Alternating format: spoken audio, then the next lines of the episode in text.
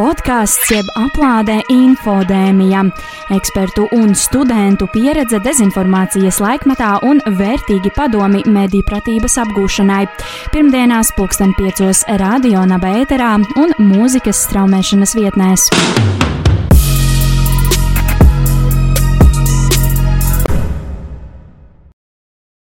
Sveiciens tev, dārgais infodēmija klausītājs! Šajā skaistajā, skaistajā maija dienā uh, esam mēs, infodēmijas komanda, atpakaļ pie jums.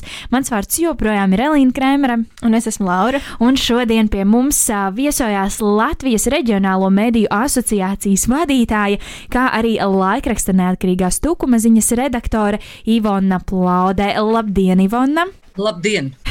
varbūt, varbūt tad papildus šiem diviem amatiem, ar kuriem es jūs pieteicu, jums ir vēl kaut kas piemetināms par sevi. Nē, noteikti, noteikti nē, piebilst, piebilstams, ko es piebildīšu. Vēl kādu amatu, 11. amats, kā tur bija 10 amata, 11. bats, īsti nebūs taisnība. Nu, lepojos ar to, ka esmu četru bērnu māmiņa, ka visus, vismaz trīs bērnus ir izdevies iesaistīt arī mēdīju darbā, un ka es ļoti ceru, ka arī tas ceturtais, kuram šobrīd 17 gadu, viņi visi būs mēdīju pratīgi cilvēki.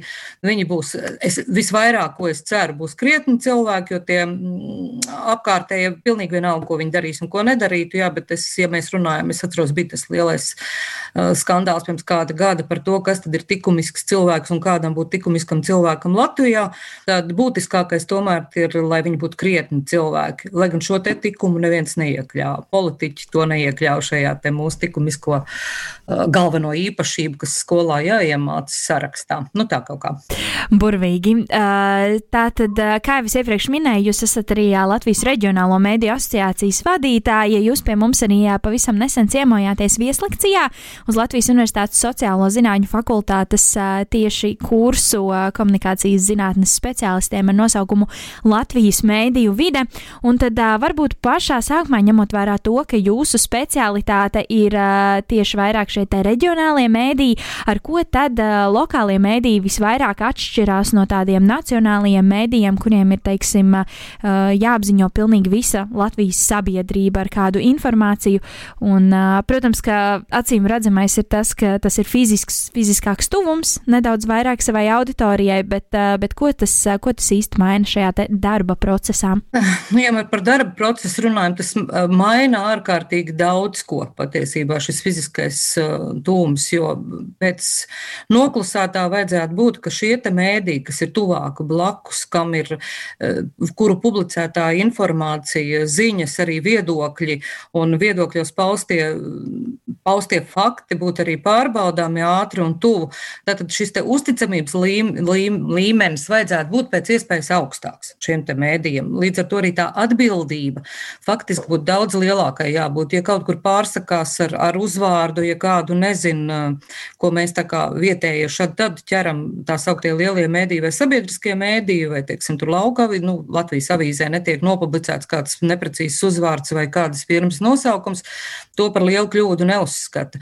Bet, ja kaut kur vietējā kopienā kāds eh, vietējais cilvēks, kas nu, tik ļoti labi ir zināms sav, savā pagastā, un viņam tur vienā burtā jūs būsiet kaut kā nokļūdījies, vai lūk, šim cilvēkam uzvārds tiek rakstīts ar divu L, bet jūs tur tā kā vienu esat aizmirsis, tā būs liela traģēdija. Eh, tas ir tādos eh, par šo te klātesamības efektu. Otra liela, nu, tāda būtiska problēma rakstot, ar ko, manuprāt, ir arī viens Stradiņu universitātes pētījums, par šo ir rakstīts par tā saukto uh, iekšējo cenzūru, kas noteikti daudz mazāka ir apjomīgākajiem un ar distancētākiem mēdījiem, jo, jo nav šī klātbūtne, nav arī tā varbūt tik liela atbildība pret, pret saviem kaimiņiem, draugiem un līdzbiedriem. Varbūt, ka ir vieglāk arī nav šīs empātijas spēja tik lielā mērā jāiedarbina, kā tas ir jādara mums reģionālos mēdījos strādājošiem. Mēs runājam, salīdzinot, teiksim, par šo te aktualitāti. Ja. Es droši vien man jāsaka tā, ka vērtējot kā par gadījumu, kur sadedzinājies šis te jaunais vīrietis, ja, es droši vien nekad nerīkotos tā, kā rīkojās, kā rīkojās kolēģi, jo man ir jādomā, es, diemžēl, es neesmu droši vien tik līdz galam, tik profesionāla žurnāliste, vairāk es esmu laikam cilvēks nekā žurnālists, man ir jādomā, kā puiši pēc šīs informācijas, kā šie cilvēki turpmāk dzīvos, ja izdzīvos. Neatkarīgi no tā, vai, vai puisis, kas ir cietis, viņš būs tur ar psihiskiem traucējumiem, vai viņš būs ar citādu, kā saka, pārstāvēs minoritātes vai kā citādi, man vienmēr paliek tā doma, ka viņš ir cietušais šajā gadījumā, un cietušajiem vienmēr ir taisnība.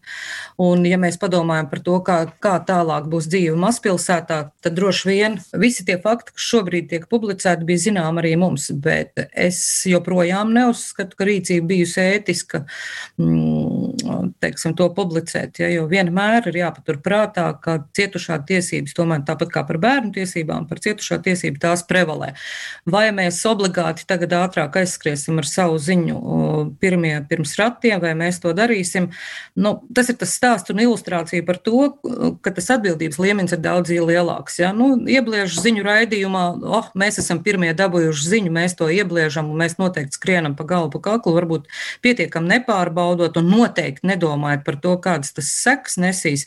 Nu, jāsaka tā, man liekas, ka reģionāļiem ir vairāk tāda atbildība, un jā, eh, ja, ja žurnālists strādā profesionāli, ja viņš arī uh, cītīgi pārdomā tos ētikas principus, kāda kaut vai paredz mūsu Latvijas uh, mēdīju padomi, ja mēdīju ētikas padomu un arī žurnālistu savienības ētikas kodeks, nu, mums pietiek ar pāris ētikas kodeksiem, ka mēs tā noteikti vispirms nerīkosimies, jo ziņas ir jāpārbauda, un ja mēs arī gribam pateikt, kurš tur ir, lūk, šis tagad ir vainīgs, lūk, viņš ir dedzinātājs, noteikti tāpēc pats sadedzinājis, vai tiešām, un ja nu izrādīsies, ka, ka kaimiņš viņu ir apdedzinājis, ja, nu, sadedzinājis, vai arī, teiksim, mēs tagad esam, ka naidu uzbrukums, ka noteikti kāds, ko viņš nosaucis vārdā, viņa draugs, ka tas ir vainīgais, un ja nu nav, vienmēr ir jāpatur šīs lietas, ja jūs, um, nu, tā kā ziņas pārbaudot, kā es saku, es par visām lietām saku 99,8, jo es tajām klāt nebiju, un vienīgais, kā to pārbaudīt, ir tiešām reāli, reāli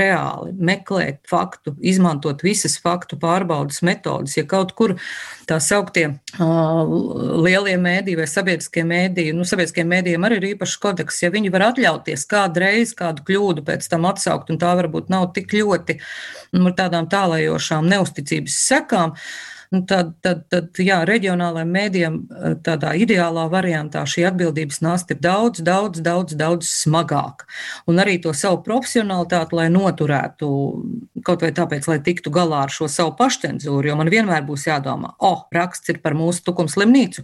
Eh, vienmēr būs tas jautājums, viens ir, nu, kā es rakstīšu par savu ārstu, pēc tam pie viņas būs jāiet ārstēties. Un mūsu žurnālisti ir saskārušies ar situāciju, kad uzrakst par kādu problēmu medicīnas aprūpē, un pēc tam viņiem palīdzība. Tā teikt, teikt, ejiet uz Rīgu, tur jums labāk ārsti ir gadījies, ir gadījies. Vai, teiksim, jūs uzrakstīsiet, uh, ir bijis gadījums arī mūsu praksē, ja par slimnīcu runājot, uh, par, teiksim, par kādām problēmām, ja jūs rakstat, nu, pieņemsim, dzemdību nodaļā. Uh, vienmēr jau tev jāpatur prātā, vai tu to ar to vannīti neizlai kopā to bērniņu, ko tu ar savu ziņu, ko tu ar savu vēstījumu, ar to, ka tu atklās lūk šo viena varbūt darbinieka neizdarību, vai tiešām žurnālisti raksta pilnīgi par visu, vai tomēr mēs ar šo te nu, jaunās māmiņas ir pietiekami nobijušās, ja tas ir raksturīgi jaunajām māmiņām, ja topošajām māmiņām, šis hormonu līmenis tādu baiļu līmeni arī paaugstina. Un um, vai tiešām uh, viņu drošība nav svarīgāka nekā mūsu, uh, mūsu vēlme atklāt kādu vienu šādu sīku nodarījumu? Vienmēr šis balans starp vajadzību sabiedrībai zināt un uh, par to, kas tomēr būtu, nu, tāpat, taču mēs atlasām faktus, avīze ir bieza, nu, kaut arī mums ir viena no biezākajām mūsu izdotā, tātad tur ir 36 lapas puses ja, nedēļā, it kā vietas visam, kam pietikt, bet vienmēr jau arī tā mūsu izvēle nu, tā teikt, tā mūsu atkarība no faktiem arī no šie vietas, no laukuma, no laika, kam jūs izvēlaties. Jūs arī tagad mani uzaicinājāt, nevis kādu citu, un arī šīs jūsu izvēles patiesībā parāda arī kaut kādu personisku attieksmi. Pilnīgi neitralitāte žurnālistikā, par ko bieži vien dzird runājam, manuprāt, nav neiespējama, ir neiespējama un, manuprāt, arī nav vajadzīga.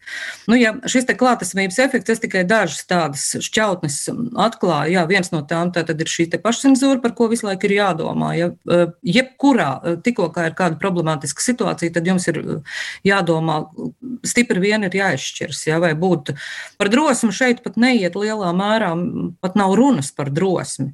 Šeit ir runas par to, ko mēs nodarām sabiedrībai ar, ar nepārdomātām, līdz galam nepārbaudītām un tādas neapzinoties sekas, ja kaut ko uzrakstām un izdarām. Jā, te ir tā, tā atbildības nasta, manuprāt, jā, ir daudz, daudz smagāk reģionos. Nezinu, vai atbildēju uz jūsu jautājumu. atbildējāt noteikti. Jūs atbildējāt, un man uzreiz arī raisījās tālāk jautājums, kas man sasaistījās ar, ar, ar vienu komentāru, ko es pirms kādu laiku lasīju par reģionālajiem uh, mēdījiem, kur tika teikts, ka viena no to raksturīgām iezīmēm ir arī, vai funkcijām ir arī savā veidā būt auditorijas draugam, varbūt vairāk nekā nacionālajos mēdījos. Un, uh, jūs jau par to it kā daļai skārāt, bet es varbūt vēl konkrētāk pavaicāšu, vai tādu šo personisko attieksmi un, un draudzīgo, it kā savstarpējo, varbūt uh, miedarbību vispār ir iespējams uh, sabalansēt ar, ar tā saucamo mediju sarksuņu funkciju, par ko mums vismaz kā topošiem žurnālistiem daudz stāsta un, un māca. Un, uh, Vai tomēr, nu, tā kā jau pastāv noteikti reizes, kad par vietējās kopienas cilvēkiem ir jāuzraksta arī kritiski, um, vai, vai to ir viegli darīt, vai to ir iespējams darīt, un kā jūs to sabalansējat? Tas ir tas slavenais stāsts, ko par reģionāliem mēdījiem, par mēdījiem vispār stāsta padomu laikos. Tas, tas, tā, tā, no viena grāva otrā. Tas pirmais stāsts ir par to, ka rakstīt, ka reģionālajie mēdīji un vietējās kopienas mēdīji varot rakstīt tikai kā par, par visiem vietējiem cilvēkiem, vai rakstīt tikai kā par miroņiem. Zinat, kā tas ir, ja? labu vai neko. Par to sabalansēšanu, ja runājam. Bet es domāju, ka mums tas ir tīri labi izdevies, un, un es domāju, ka, norm, kā saka, arī sabiedrība ir jāaudzina, un, un šīs lietas ir ļoti labi nošķiramas. Nevelti ir šis, man ļoti patīk raidījuma nekā personīgi nosaukums tajā ziņā, ka jā, tas ir mūsu darbs, tas ir mūsu uzdevums būt sarksunim, un sarksunim galvenokārt par publisko līdzekļu pārvaldījumu.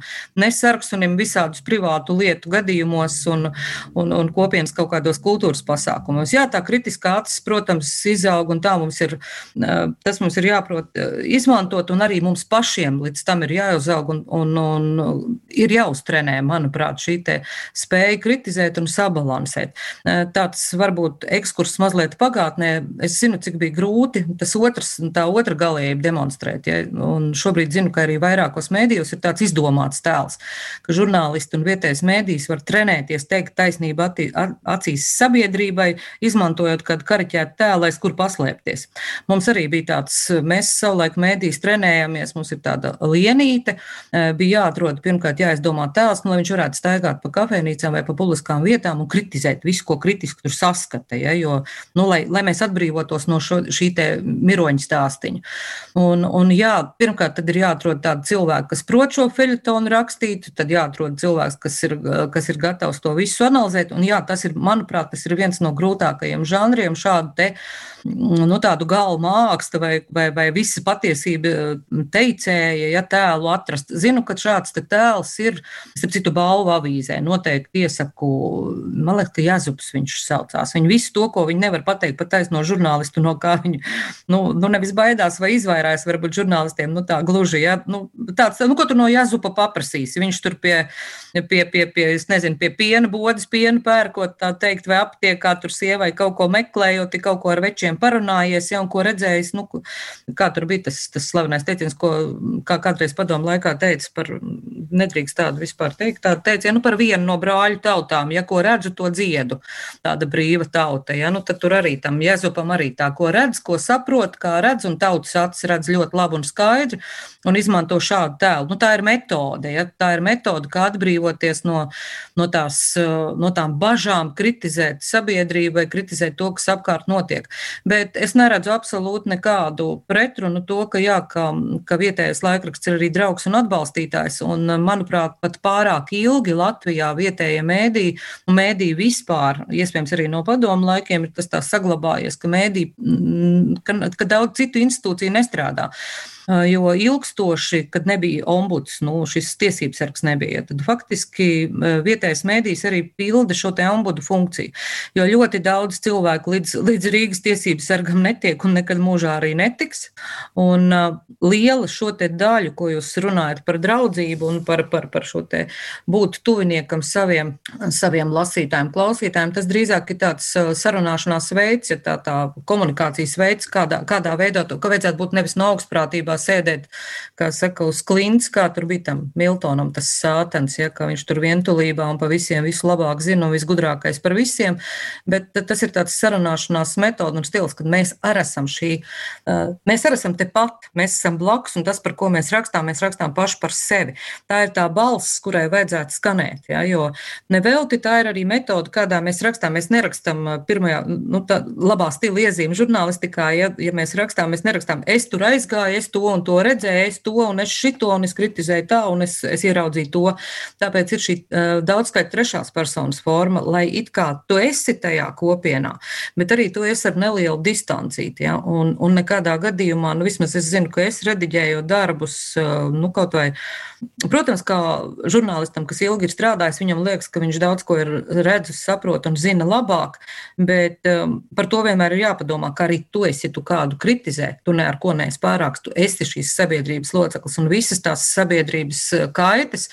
Nu, es domāju, ka nu, tas tā ir tāda, kā es, kā es smējos, bērnišķīgā kreisuma slimība. Jā, ir arī no šīs augstprātības un no tās iedomas, ka nu, žurnālisti zina. Eh, mums vienkārši pēc profesijas ir tā, ka mums ir jāzina par daudz ko.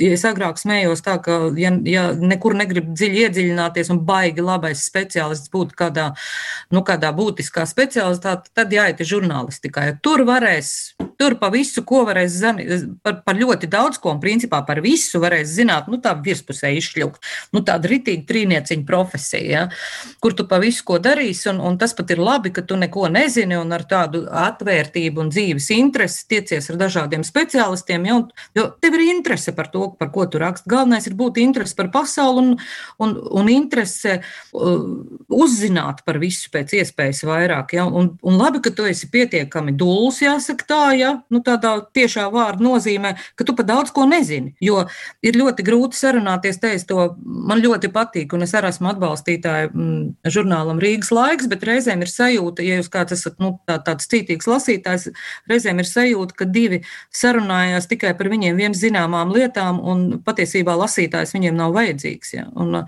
un, un, un arī te žurnālistam, tā, kad no tā augstā kalna skatīties nevajadzētu. Es neredzu šeit nekādu pretrunu, jo, jā, jo šī sevis nodalīšanu, ja tu neskaties uz to savu lasītāju, skatītāju, klausītāju augstprātīgi, ja tu tā iedomājies, kam tu to stāsti. Nu, vidējais reģionālo mēdīju lasītājs ir 50, 60 gadnieks. Ja, tad, nu, ko aptuveni jūsu, jūsu gadījumā mammas, varbūt pat vecmāmiņas vai vectētiņa, kas ir tas, kādā stilā viņi sarunājas, ko viņi domā, ko viņi saprot. Nu, jūs nesāksiet viņiem ar viņiem TikTok valodā runāt. Ja.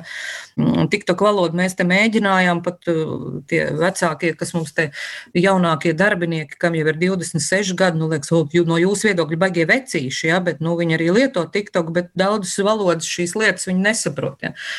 Paudzēm, protams, atšķiras, bet tā ir drīzāk runāšanas valoda. Es neredzu, ka, ka, jā, es neredzu, ka, ka draugam būtu, būtu problēmas. Ja. Drīzāk jūs esat draugi, jūs vieglāk varat sarunāties, vieglāk arī uzklausīt, vieglāk palīdzēt šiem cilvēkiem, jo arī tāda funkcija ir reģionālajiem mēdījiem, jo tam cilvēkam jūs bieži vien esat pēdējā instance.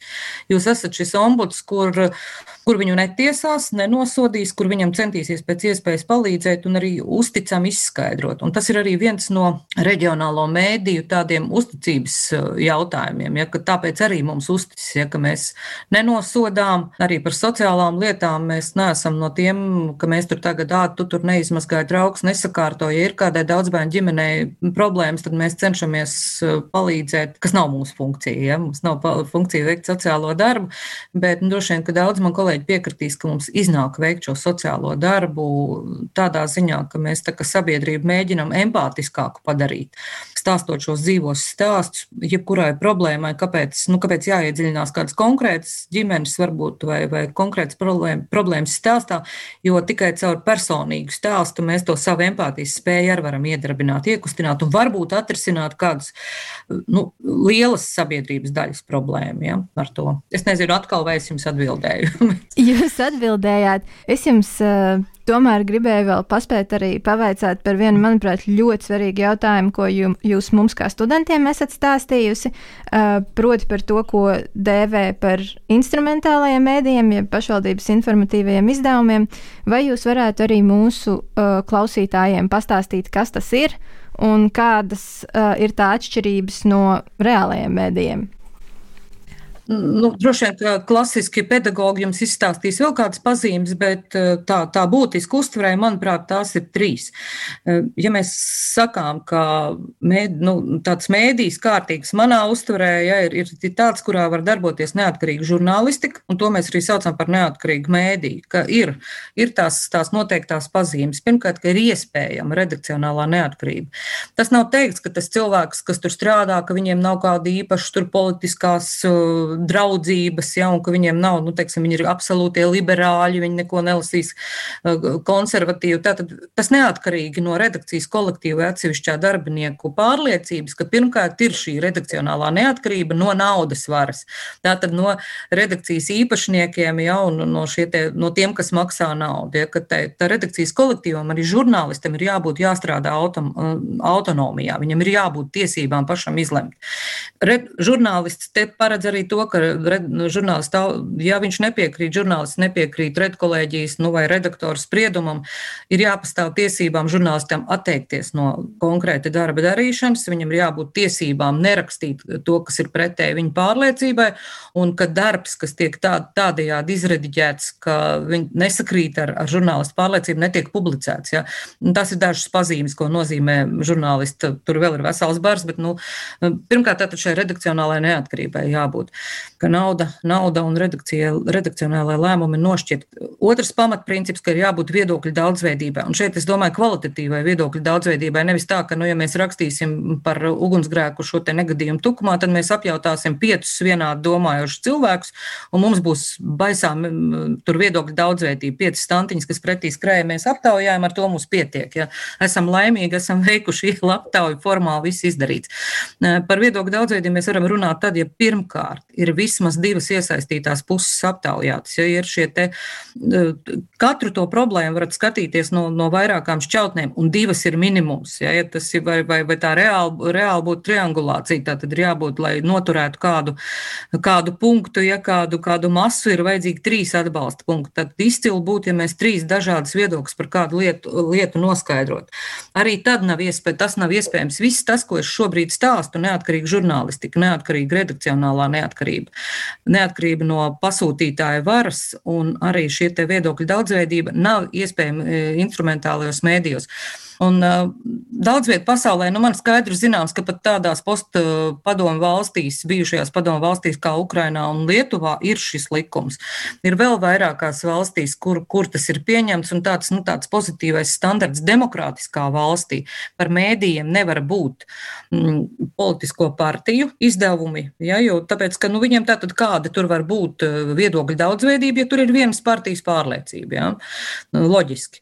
Ja runājam par pašvaldības izdevumiem, arī šeit nav iespējama redakcionālā neatkarība, jo to, ko rakstīt redakcijai, nosaka domes tā brīža vara. Kam būt saturiski, kam tur būt, kam tur jāatrodas. Ja? Tātad šie pašvaldību izdevumi vispār nevar būt mēdī pēc šīs definīcijas, jo tur nav redakcionālā neatkarība iespējama. Tie visi ir domas darbinieki, kas ir pakļauti politiķu varai. Nu, tā tad ir kaut kāda politiķu vara, ir kaut kāda vadošā vara. Tātad viņu, pēc viņu izpratnes, pēc viņu ģīmju un līdzības arī tiek organizēts redakcijas darbs. Patiesībā nu, šī politiskā vara ir redkolēģija ja, žurnālistiem. Tātad, cik nu ir iespējama žurnālistu neatkarība šādā te mm, redakcijā? Nu, un, un nevar būt arī reliģiskās organizācijas. Ja. Reliģiskās organizācijas arī nevar būt uh, mēdīju, nu, tāds reāls mēdījis, jo arī tur ir reliģija, ir tikai nu, katrai reliģijai ir sava pārliecība.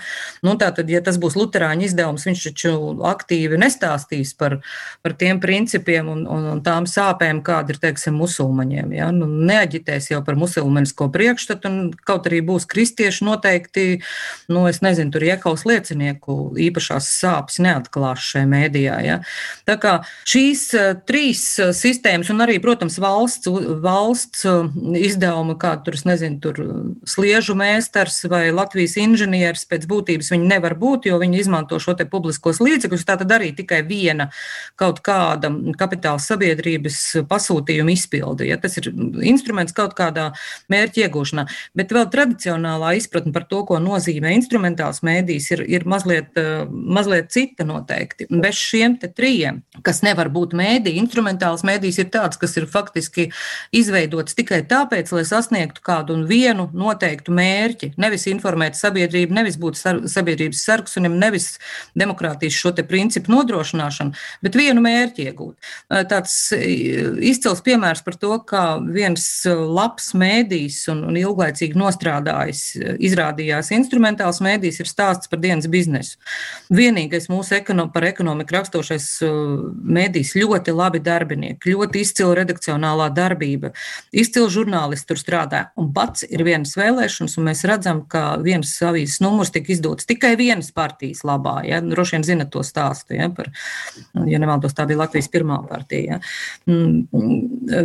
Par ētiku pat nerunāsim. Ja? Tas bija viss, avīz, viss laikraksts numurs, kas, kas sev uzskata par neatkarīgu. Tika veltīts patiesībā vienas partijas, viņš kļuva par reklāmas izdevumu. Visiem bija skaidrs, ka mēdīs tika turēts uh, rezervei piecus gadus, lai viņš tā teikt vienā mirklī tā viss izšautu jau varētu startēt šajās vēlēšanās. Tas ir tipisks instrumentālā mēdīja paraugs, bet tādu mums Latvijā ir diezgan daudz. Un šobrīd šīs vēlēšanas arī to pierāda. Mūsu novada arī ir līdzīgs, ja kur it kā biedrība ir norganizējusi mēdīju ar domu uzlabot nu, arī de, par demokrātijas vārdā. Un beigās mēs redzam, ka viņi darbojas uh, vienas vai divu partiju labā, šo te dažu politiķu labā, darbojas un turklāt iegūst, um, iegūst arī sabiedriskās organizācijas, nu, sabiedriskā labuma organizācijas status. Nu, jā, un šī ir tā vide, kurā mums arī neatkarīgiem mēdījiem ir jāspēj izdzīvot un, un, un Un ne tikai, ne tikai finansiālā ziņā, materiālā ziņā. Jā, jāspēj saprast, ka šie instrumentālie mēdīji arī ir tie, kas vislielākā mērā ietekmē sabiedrības mēdīju pratību. Un, ja viens no mēdīju politikas uzdevumiem ir tāda mēdīju pratības veicināšana, tad valsts ar vienu roku šo ir nolēmusi, ar otru roku atļauj pieļauj ļoti aktīvu instrumentālo mēdīju darbību. Nu, ko žurnālisti var darīt? Žurnālisti tā arī dara. Viņi nodibina žurnālistu asociāciju, kas ir 7. gadā dibināta tieši ar tādu domu, ka ir jāpaceļ šī latiņa vismaz pašu, pašu profesionāļu vidē, ja, ko ir neētiski darīt, kas ir neētiski strādāt. Mēs pacēlām nākošo latiņu, nodibinājām pirms diviem gadiem mēdīju ētikas padomu, lai arī mēdīju izpratnē būtu izpratne par to, kas ir ētiski, kas ir, ne, kas ir neētiski. Nu, tagad bumba ir valsts pusē, kur būtu jāsakārto, protams, mēdīju likums, kur katrs, kas uzraksta uz žogu, kā es saku, šobrīd tas, tā situācija ir tāda, ka uzraksta uz tie, kas uzraksta uz žogu masi plus, plus māša arī principā var reģistrēties par mēdīju. Kāpēc nē? Jo pēc likuma nu, masu informācijas līdzeklis, vai tā masas neiet garām un neizlasa to, kas uz žoga rakstīts, nu tā tad tas ir mēdījis. Ik viens ietekmelis, vai kā tagad gudri izsakās, influenceris, ja, kas patiesībā ir ietekmētājs un patiesībā ir reklāmas sistēmas cilvēks. Ja. Mums ir šobrīd gandrīz vai mēdījis. Ja. Mm, jebkurš tur individuāli persona, kas ražo varbūt vispār rūķi, tie jau mums sen ir, ja robotus ir saražoti. Viņi arī tagad tā kā mēdī darbojās tur Facebookā, kas tos falšos tur ir um, safabricējuši. Es ar tādu kādu pārīti zinu. Būtībā arī tie ir instrumentālie mēdī, nu pēc, pēc būtības. Ja, tas, ka viņi mums nav fiksēti likumiski, bet pēc izpratnes piesārņo mūsu informatīvo telpu un mūsu smadzeņu poģus. Būsim atklāti, neslēpsimies šie vārdi. Ja, un, nu, un attiecīgi savu kaut kādu viņi saņem. Vai nu atkal politiķu gadījumā, ja viņš saņem savu to nu, reklāmu bez maksas, jo kā tu pieliksi, viņa jau nebūs uzskaitītā reklāma. Instrumentālo mēdīju būs ļoti grūti pieskaitīt pie konkrētas partijas izdevumiem. Nu jā, manuprāt, paldies jums par šo stāstu. Vispār sabiedrības izpratne par šo man tiešām šķiet, ka ir svarīgi, lai saglabātu arī vispār cilvēku uzticību neatkarīgiem mēdījiem. Jo, ja tu nesaproti, ka tu, tas, ko tu lasi, ir, ir instrumentāls mēdījis, ka tas ir varbūt pašvaldības izdevums, tad arī nu, droši vien rodas uh, nepareizs priekšstats par to, kāda vispār ir, uh, ir neatkarīga mēdīju uzdevumi. Jā, un uh, es arī no savas puses vēlējos pateikt jums paldies arī par um, vis, uh, visvairāk, visspilgtākie ir šie te īstenās dzīves piemēri par, uh, par to, kas notiek arī pie jums tukumā vai kaut kur citur. Uh, mēs gan kā uh, ar Lauru totālākās rīdzinieces īsti, īsti varbūt, uh, varbūt vēl šajā tik ļoti, nu arī strādājot mediju jomā vēl, uh, kā teikt, nevaram iebraukt iekšā, lai gan, uh, lai gan kaut kas mums, uh, mums nedaudz ir arī. Mums komandā, starp citu, ir uh, divi cilvēki no balviem, un jūs tieši balvas šodien pieminējāt. Kā, Jā, viņi, jau. Jau Viņi, viņiem noteikti būs uh, ko teikt par, uh, par, uh, par šo sarunu. Jā, es domāju, ka patiesībā ir daudz vairāk cilvēku, kuriem interesē dzirdēt arī stāstus par reģionālajiem medijiem, nekā mums uh, Rīgā dzīvojot šķiet. Tā varētu būt. Teiksim jums lielu paldies, Ivona. Atgādināšu gan klausītājiem, ka šodien runājām, kā jau jūs redzat, pēc šodienas nosaukuma instrumentālie mēdī, jeb, jeb arī reģionālie mēdī. Šeit iekšā arī šodienas epizodē mums bija. Ciemājās pie mums šodien Ivona Plauda. Liels jums paldies par atvēlēto laiku mūsu šodienas sarunai. Paldies jums. Viena piebilde man gan bija. Nezinu, Jā. vai jūs to vai papīsiet vai, vai izgriezīsiet, jo dzirdēju, ko jūs stāstījāt, ka neiet jau stāsts, vai ir, nav runas par to, vai būt reģionāliem vai kādiem citiem mēdiem. Stāsts ir par to, ka bez neatkarīgu žurnālistu darba, jebkurā mēdījā, nav iespējama demokrātija. Demokrātija ceļš uz kaut ko. Ja kādā brīdī mēs šo te savu skaidro ceļu pazaudēsim, kaut vai izpratnē par to, kas mums apkārt notiek, un to mums palīdz mūsu smadzenes, tā cīņa par, par, par, par nākotni nākotne ir mūsu galvās un nu, sabiedrības galvās. Un ja mēs tādiem maisītājiem, jaucējiem atdosim savu priekšroku, savu galvas, savu nākotni atdosim viņiem, nu, tas ceļš uz demokrātiju vai nu būs apgrūtināts, vai vispār nebūs iespējams. Tieši nu, tik nopietni. Tā, tā, tā tas varētu būt, jā, ka pašiem jāuzņemās rokās un jāiestājās arī par savu šo te neatkarību. Ar jums šodien kopā studijā bija Laura un arī es Elīna, un paldies visiem liels par klausīšanos klausīšanos. Tiekamies jau nākamā pirmdiena, nākamajā epizodē, kurā tad vairāk runāsim uh, par diskrimināciju. Un tad jau palieciet klausieties infodēmiju un uh, runāsim vēl par citām interesantām tēmām, kurās var manīt dezinformāciju. Bet tad līdz nākamajai reizei, atām! Čau, čau! Podkāsts jeb aplādē infodēmija, ekspertu un studentu pieredze dezinformācijas laikmetā un vērtīgi padomi mediju pratības apgūšanai. Pirmdienās pulksten piecos radio naba ēterā un mūzikas straumēšanas vietnēs.